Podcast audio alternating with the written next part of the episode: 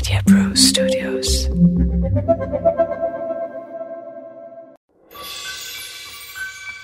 ए भाई उस्ताद तो उस्ताद होले लेकिन कबो कबो उस्ताद का चेला भी उस्ताद पर भारी पड़ जाना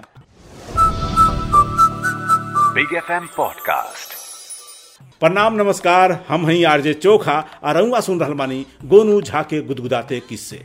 जे हमें आज हम रउआ के सुनाइब कहानी चुनौती। गोनू झा लोग के ठगले के कला में एकदम में माहिर रहले।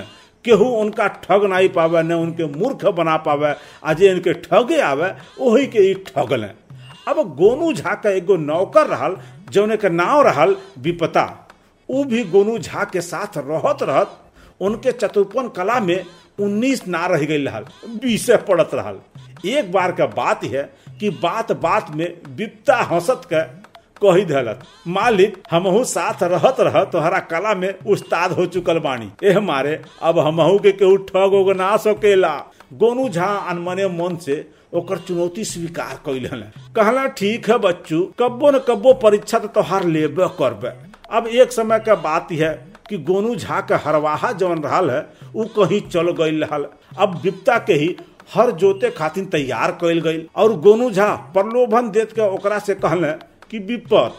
अगर तू खूब अच्छी तरह से खेत के जोत देबा तो तहरा के हम खूब स्वादिष्ट हलुआ खियाई। विपता बड़ा खुश भइल। चला, कुछ खाए पिए के तो मिली। वैसे भी मालिक कंजूसी कैल करल। है अब वो खेत में गइल, खूब मन लगा के खेत के जोतले। और मन मन ये सोचत रहे कि आहा मालिक हलवा लेके आई हैं तब खूब खाइब, खूब आनंद लेबे। और यही पेड़ तरे चल के गमछा बिछा के एक आध घंटा आराम भी कर लेबे। आ थोड़ा मीठा खैले के बाद नींद तो अबे करेला।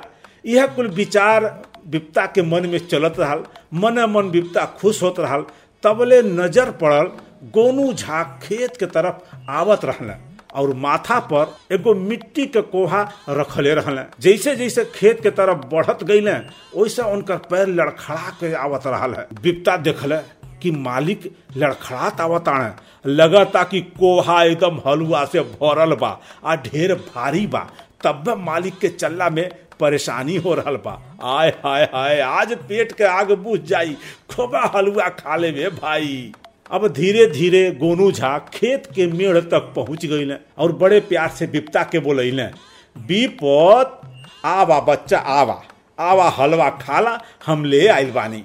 अब विपत इतना जैसे सुन ले वही हल वगैरह छोड़ दल आ फटाफट आके हाथ होत धो के गमछा बिछा के बैठ गई मिट्टी के कोहा गोनू झा से लहले, आ ओके खोलला के बाद हाथ डल ई का हाथ तो एकदम भीतर ले चली गए। आ टोता तो जरा सा हलवा हमें रखल बा विपता एकदम में खींच गई मालिक इतनी सा हलवा लेके अली है? इतने में का हुई? गोनू झा कहले विपत बेटा, हम तो के हलुआ खियावे कहले रहली। वो स्वादिष्ट हलुआ। ई ना कहले रहनी कि पेट भर हलुआ खियाए।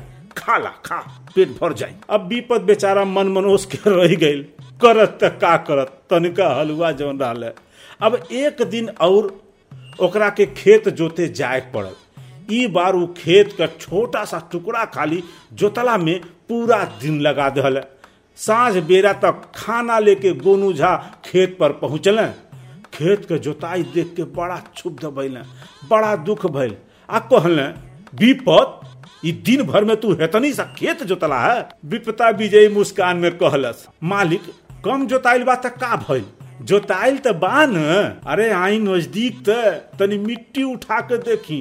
एकदम आटा के तरियन महीन हो गइल बा। गोनू झा के एकदम खीस बढ़त चली गया। आ खिसिया के कहले इतना सा जोताई में पूरा खेती हो जाई का? विपता बड़े सहजता से कहले, मालिक, जब थोड़ा सा स्वादिष्ट हलवा से पेट भर सकेला तो थोड़ा से जोताई से पूरा खेती काहे ना हो सकेला? गोनू झा दोनों हाथ से सिर पकड़ के बैठ गए अब उनकरा के याद आयल कि का कहले रहले। विपत से कहले, विपद, बच्चा तू एकदम सही कहत रहला कि तू हमसे तनको भर उन्नीस ना बाड़ा। अब तोहरा के केहू ठग ना सकेला।